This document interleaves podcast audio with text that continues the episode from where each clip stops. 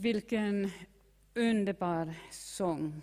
Hosianna, vi upphöjer och ärar dig, vår älskade Gud, vår älskade Herre Jesus Kristus. Jag vill också säga god kväll till dig som lyssnar och är med, inte bara lyssnar utan är med oss i det här bönemötet. Ja, vi, är ju, vi har ju ett bönemöte och min rubrik för kvällen tankarna som jag har fått är bönen, den djupaste relationen med den älskade. Det är så härligt att eh, smaka på speciellt det här, den älskade. Det är inte konstigt att vi säger vår älskade Herre Jesus Kristus, vår älskade Gud allsmäktig Fader. När man lyssnar på Hipas eh, vittnesbörd, hur hon berättade om sitt liv, hur Gud bara öste gåvor över hennes liv och den glädjen som hon fick för att lära känna Gud närmare och närmare. Innan jag går på bibelstället så ger jag lite eh, bakgrund. Tre personer, Elkana, hade två hustrun, Hanna och Beninna. Han, polygami var inte Guds ursprungliga tanke, men under den tidiga bibliska historien förekom det. Speciellt då när första hustrun inte kunde få barn. Hanna kunde inte få barn. Hon var ofruktsam. Och på den tiden var det hårt slag för en kvinna. Hennes ofruktsamhet var en social belastning både för henne själv och för hennes make. För på den tiden spelade barnen en framträdande roll i samhällets ekonomiska uppbyggnad. De var viktiga i med att hjälpa till med familjens arbete, försörjning. De var skyldiga att ta hand om sina föräldrar när de blev äldre och äldre och orkeslösa. Man förstår Hannas förtvivlan, kanske skammen också, mitt i detta kultur och samhälle. Beninnan däremot hade många söner och döttrar. Hanna hade inget barn. Varje år åkte enligt traditionen Elkana med sina hustrun Peninnas söner och döttrar eh, till Silo för att be och offra för Herren. Och eh, andra hustrun Peninna retade och var elak, hånande, nedlåtande mot Hanna. Hanna längtade efter ett barn och var väldigt nedtyngd. Hon har en mycket svår livssituation, år efter år. Nu läser vi från Första Samuelsboken eh, kapitel 1 och 7. Detta pågick, alltså hur eh, Peninna hånade och retade och föraktade Hanna. Detta pågick år efter år. Varje gång Hanna gick upp till Herrens hus retades Peninna med henne på samma sätt. Nu grät Hanna och ville inte äta. Hon blev så deprimerad av det här tunga, det här omgivningen, nedtryckandet, att hon tappade aptiten. Då sade hennes man Elkana till henne, Hanna, varför gråter du? Varför äter du inte? Varför är du så ledsen? Är inte jag mer för dig än tio söner? Vilken underbar motvikt mot det här hårda, hånande, nedbrytande hade hon en make, sin man, som älskade henne högt, ville henne väl, uppmuntrade och tröstade. Och nu tänker jag så här att när vi lever i våra livssituationer, 2020 i Eskilstuna, med allt det där som ingår i det här sam eh, samhället, med allt det som ingår i våra familjeliv, våra relationer, behöver vi också den, något liknande som Hannas make, någon tryckgrupp, några Eh, personer som gör precis som Elkana gjorde för Hanna. Att man har en varm, ombesörjande, kärleksfull relation. Han, han eh, tröstade Hanna i smärtan.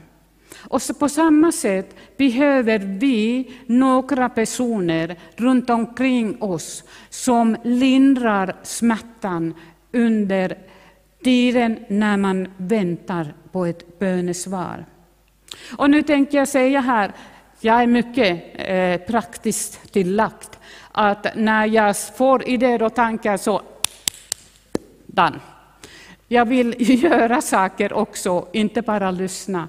Och jag tänkte när jag förberedde det här, min text, att varför inte du som känner den här smärtan, ensamheten, du har ingen att du dig till. Varför startar du inte en liten bönegrupp på två, tre, fyra, fem personer. Nu under coronatider är det ju svårt, men varför inte gå en bönepromenad, ni fyra personer, tryggt och fint. Varför inte börja be nu? För att corona har vi nu, men det kommer en tid när corona är över, när vi kan mer träffas som förr i tiden. Varför inte börja be nu till Gud Gud, ge mig också en bönegrupp. Hjälp mig att jag hittar några stycken, så att vi kan bilda en trygg bönegrupp, för att vi kan be, trösta, samtala varandra, för att härda ut under vår livsresa och få underbara, helt underbara bönesvar eh, när ni ber tillsammans. Varför inte starta en eh, bönegrupp på Messenger? Det funkar idag. Varför inte på WhatsApp? Jag är med på en bönegrupp på Messenger och WhatsApp. Och det är helt underbart. Där kan vi skriva böneämnen, där kan vi uppmuntra varandra, be för varandra och tacka Herren när det kommer bönesvar. Och sen fortsätter vi den här texten. När de hade ätit och druckit i Silo reste sig Hanna och gick till Herrens tempel. I sin svåra situation visste hon att det fanns ett ställe där hon kunde få tröst. Och hon gick till Herrens tempel. Där prästen Eli satt på sin stol vid dörren. Hon var djupt bedrövad och började be till Herren under häftig gråt. Djupt bedrövad. Ångesten, smärtan, förtvivlan kom ut som en häftig gråt. Det är tur att vi har tårar när trycket här inne, när trycket i våra omständigheter blir för stort. Hon grät ut i sin ensamhet och hjälplöshet i frågan. Sedan talade hon till Gud om sin unika situation. Och det kan du också göra. Lyssna hur hon gjorde. Medan hon bad länge inför Herren iakttog Eli hennes mun han talade nämligen, Hanna talade nämligen i sitt hjärta och bara hennes läppar rörde sig. Men hennes röst hördes inte. Då trodde Elia att hon var berusad. Därför sade han till henne, hur länge ska du bära dig åt som en berusad? Se till att göra dig av med vinet. Nej, min herre, svarade Hanna, jag är en hårt prövad kvinna. Vin och starka drycker har jag inte druckit, men jag utgör min själ för Herren. Hon utgör sin själ för Herren. Ta inte din tjänarinna för en dålig kvinna. Det är på grund av min stora sorg och smärta som jag har talat ända till nu. Då svarade Eli henne, gå i frid, och må Israels Gud ge dig det du bad, om, bad honom om. Hon sade, må din tjänarinna finna nåd för dina ögon. Så gick hon iväg och tog sig mat och såg inte sorgsen ut längre. Det här är någonting helt underbart. Hon var där i templet, eller ja, i Herrens hus. Och hon hade ett samtal där hon fick, fick beskriva sitt sorg och smärta för prästen. Men först fick hon tala ute till Gud som lyssnade på henne. Och sen fick Eli agera i sin roll som en präst. När hon hörde henne så talade hon, han, må Israels Gud, må Israel, vers 17, må Israels Gud ge dig det du bad honom om. Och i en annan översättning är att man kan skriva det, Israels Gud ska ge dig det du bad om. Hanna mötte Gud i bönen. Hon, hon bad ärligt utan skonande eh, förklaringar. Eli, prästen, välsignade och uttalade profetiska ord. Och vad hände hennes hjärta? Hon var inte sorgsen längre. Redan där och då kom Gud genom den helige Ande i hennes inre och tog bort smärtan, eh, det värsta av smärtan, ångesten och gav henne hopp om framtid. Och vers 18 Ja, så gick hon sin väg och tog sig mat och såg inte sorgsen ut längre. Det hände någonting i hennes kropp, välmående också. Den här att inte kunna äta var borta. Hon hade fått hoppet om att Gud hörde, bön, hörde bönen och svarar henne. Och sen får vi vers 20 får vi läsa Hanna blev havande och födde en son när tiden var inne. När tiden, när Guds tid var inne. Hannas väntan var lång, grät och förtvivlan, bottenlös sorg. Gud, varför hjälper du inte mig? Varför dröjer du? Varför hör du inte mig? Men det ska du veta att när du ber är Gud inte passiv. Han är verksam även om du inte ser eller hör något. Han arbetar för ett bönesvar. Bönesvaret väntar Guds tid, som är den precis rätta tiden för dig också. Gud ser helhetsbilden i ditt liv. Han ser delmålen för, målen för bönesvaret. När det dröjer, av när vi måste vänta att tiden är inne, är det viktigt att vi tror i vila på Guds ord. Att vi vilar i trons hängmatta. Jag har bett till Gud och han har lovat svara. Vi står, eller rättare sagt, om vi är i eh, hängmattan så ligger vi på Guds ord, på hans ord, i vilan och väntar på hans bönesvar. Men det är viktigt också att du vet vad det är för Gud som du ber till. Att han är inte en dömande, hård, anklagande. Det är aldrig Gud. Det är fienden, Satan, som vill till göra den vackra, underbara bilden om kärleksfulle Fadern, som vill svara på sina barns bön. Det är viktigt att du läser, studerar, för att nu har jag inte tid att gå mer ingående hur Gud är. Men jag kan bara säga, han är kärleksfull, han är nådefull, han älskar dig, han har tålamod, han trycker inte ner, han höjer upp dig från dungen och där, där du har hamnat. Han vill aldrig skada dig, ge svåra saker. Han vill ditt bästa. Allt det där motsatta är anklagaren, fienden, som vill få dig att tro att Gud är inte kärleksfull och barmhärtig. När vi vet hans karaktär, att han är den kärleksfulla fadern som vill hjälpa, då blir det väntan helt annorlunda.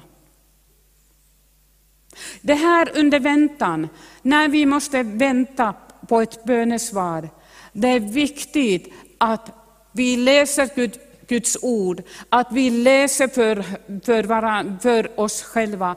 Gud har sagt, detta står i ordet, så är han, han, så vill han.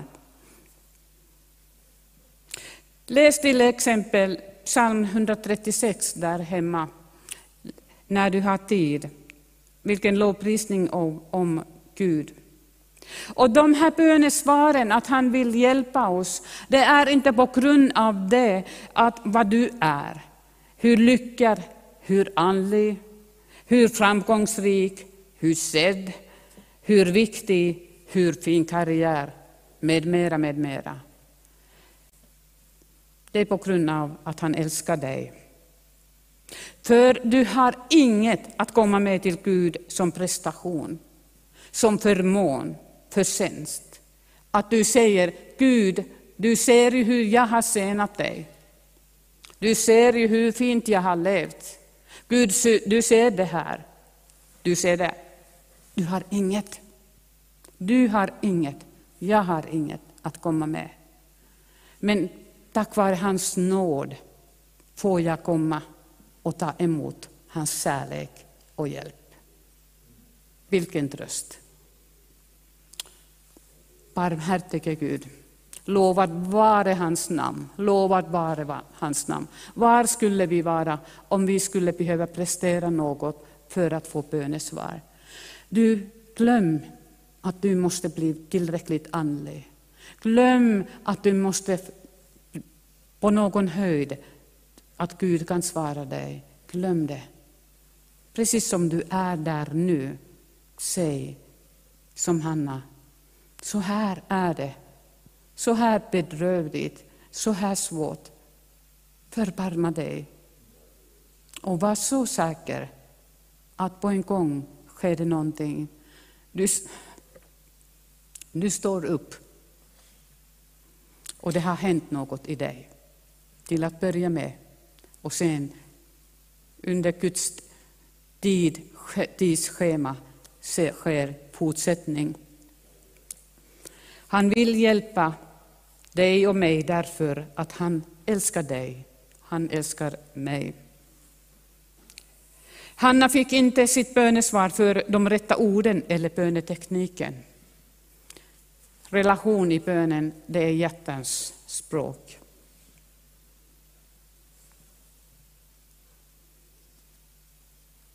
I bön har vi en dialog med honom, med Gud. Vi berättar och vi lyssnar. Och det är någonting så underbart att han vill tala till oss också. Och jag, jag, tror personligen att det är viktigt att vi lär oss också, att vi tar en paus när vi har talat.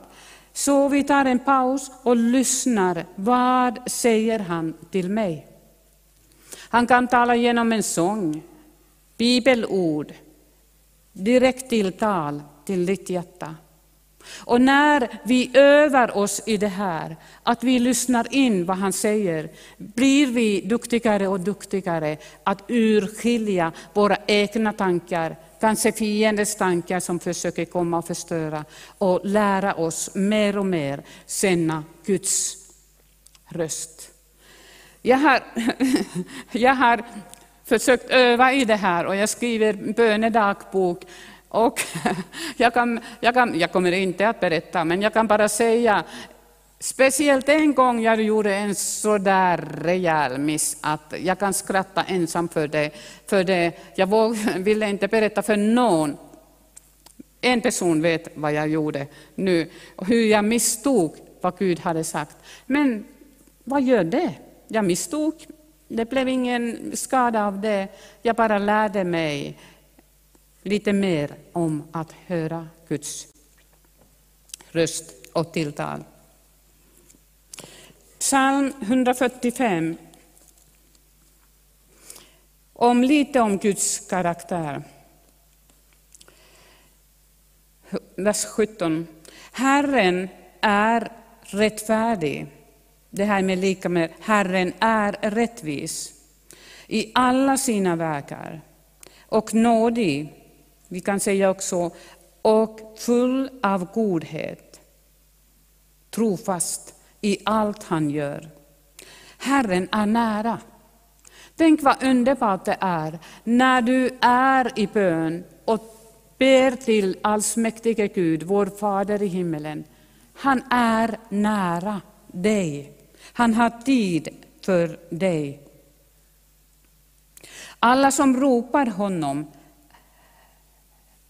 alltså Herren är nära alla som ropar till honom. Alla som ropar till honom i sanning, ärligt. Han gör vad de gudfruktiga begär. Han hör deras rop och frälser dem. Man kunde säga det här också.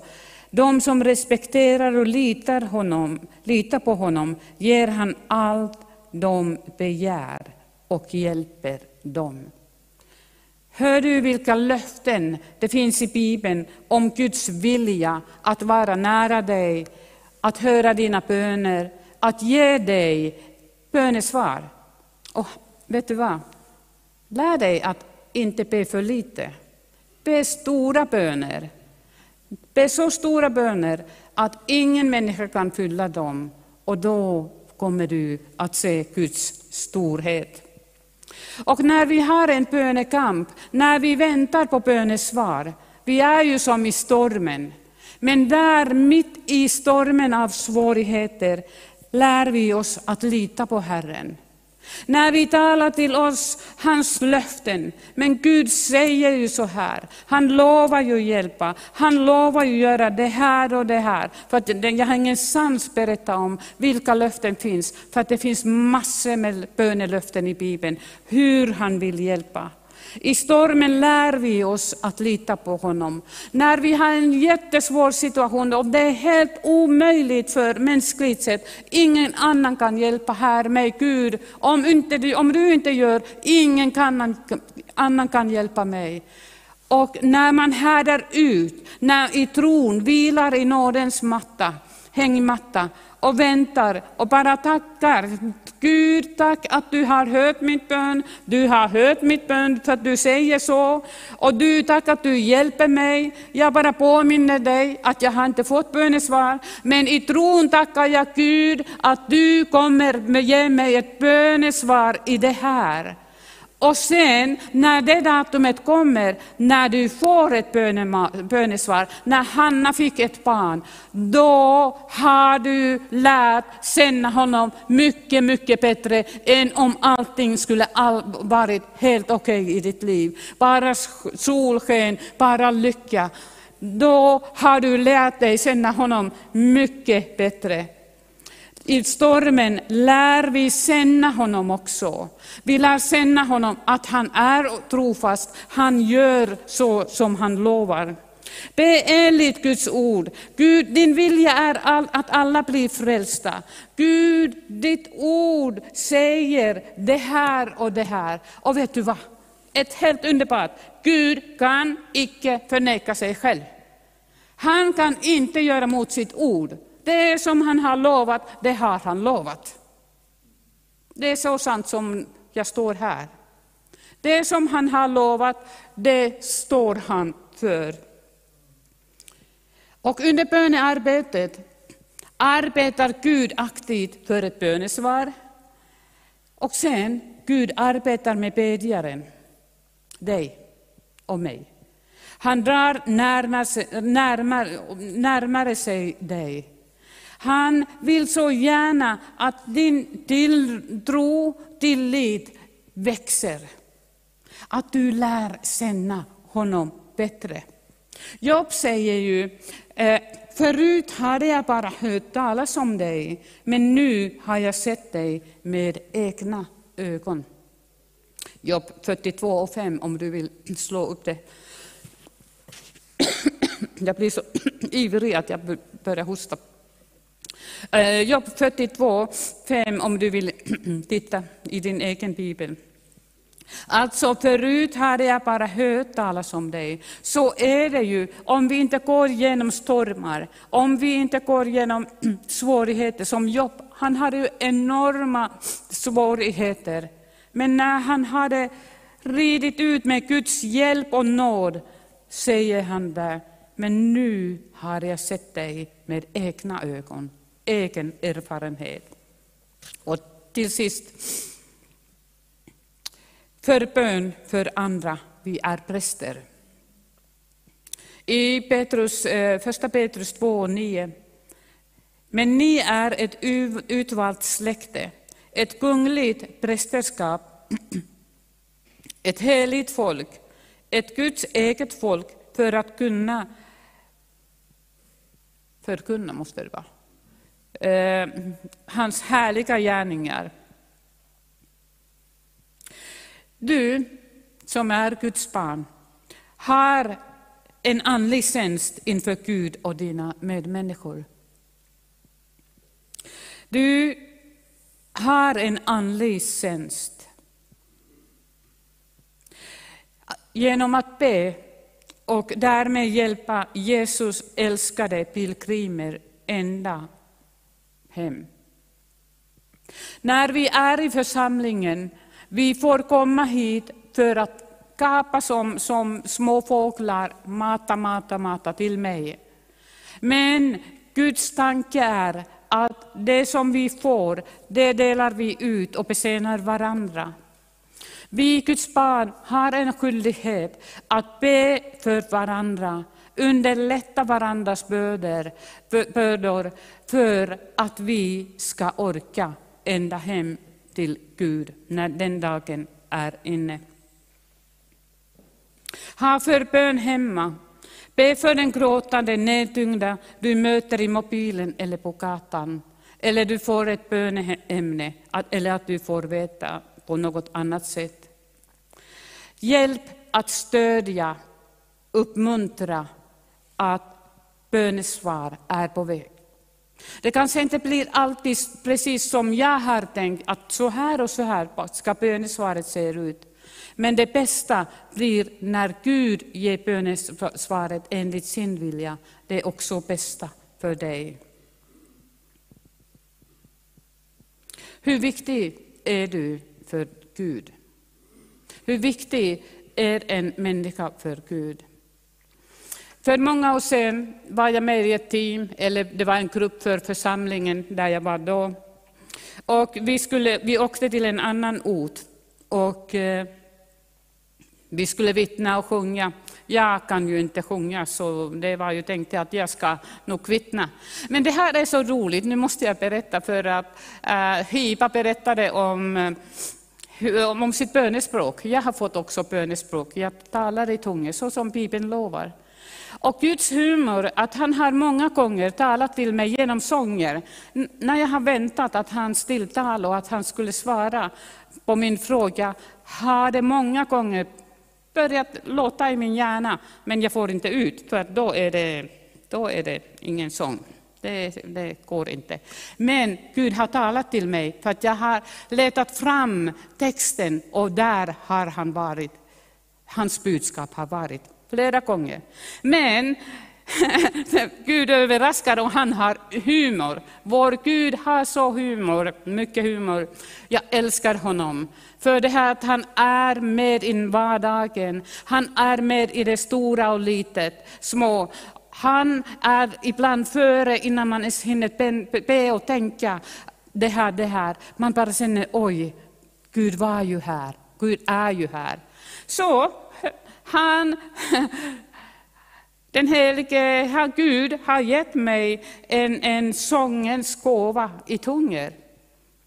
Och då håller jag tonen, har jag hört, fast jag annars inte kan.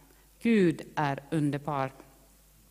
Men okej, okay, vi var där och jag tänkte att, att jag vittnar nog här. Jag var ivrig eh, och ville vittna om, om min älskade Jesus Kristus till under mötet. Men det är länge, länge sedan det här hände. Och jag kommer fortfarande klart och tydligt ihåg när jag knäböjde med en person som ville få förbön. Och när jag hade bett så sa det Gud till mig, det var därför, det här var din uppgift här. Den här personen fick hjälpen, inte på grund av att jag bad, men Gud hade sett att han kunde använda mig för att välsigna, lägga mina händer på den här personen, be för henne. För jag, jag, jag inser att den här personen hade en svår livssituation och tack vare Guds nåd och hjälp fick han, hon den hjälpen som hon behövde. Så viktig var hon att Gud sade till mig som bad för henne, detta var din tjänst och uppgift här ikväll. Han hade sett till att den här personen fick hjälp. Lyssna in när Gud vill använda dig på samma sätt. När han vill att du ber för en människa. I kyrksalen när vi kan samlas du ringer, möte på stan, vad det nu än blir. För det är livsviktigt för den här personen att han eller hon orkar ända hem. Allsmäktige Gud, vår Fader i himmelen, jag prisar och tackar dig för din stora nåd, kärlek och omsorg för var och en av oss. Jag ber om att ditt ord får, har fått bli inspiration, tröst och hjälp för någon eller några personer ikväll.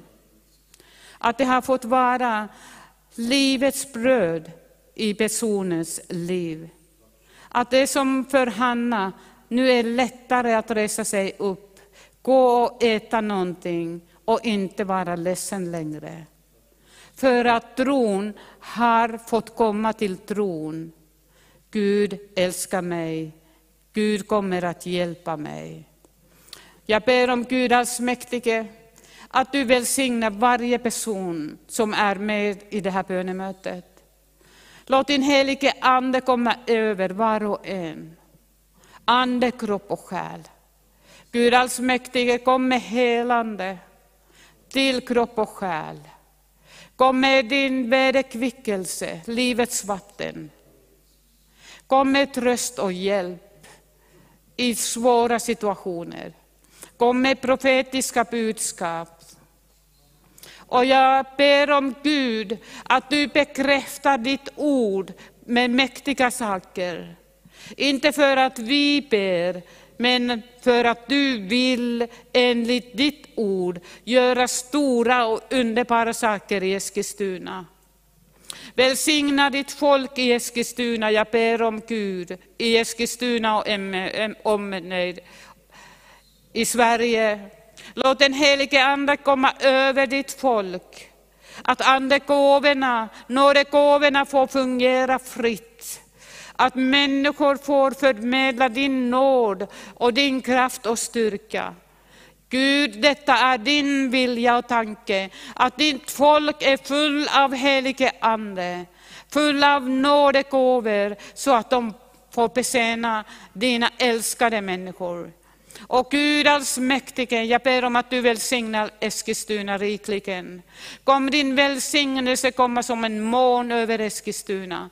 Kom över ditt folk. Låt dem starta små bönegrupper ut över hela staden när det är fysiskt möjligt. Och Gud, kom med bönens ande över ditt folk i Eskilstuna, så att vi får se ännu mer, ännu mer av dina underbara verk och gåvor. I Jesu Kristi namn. Amen.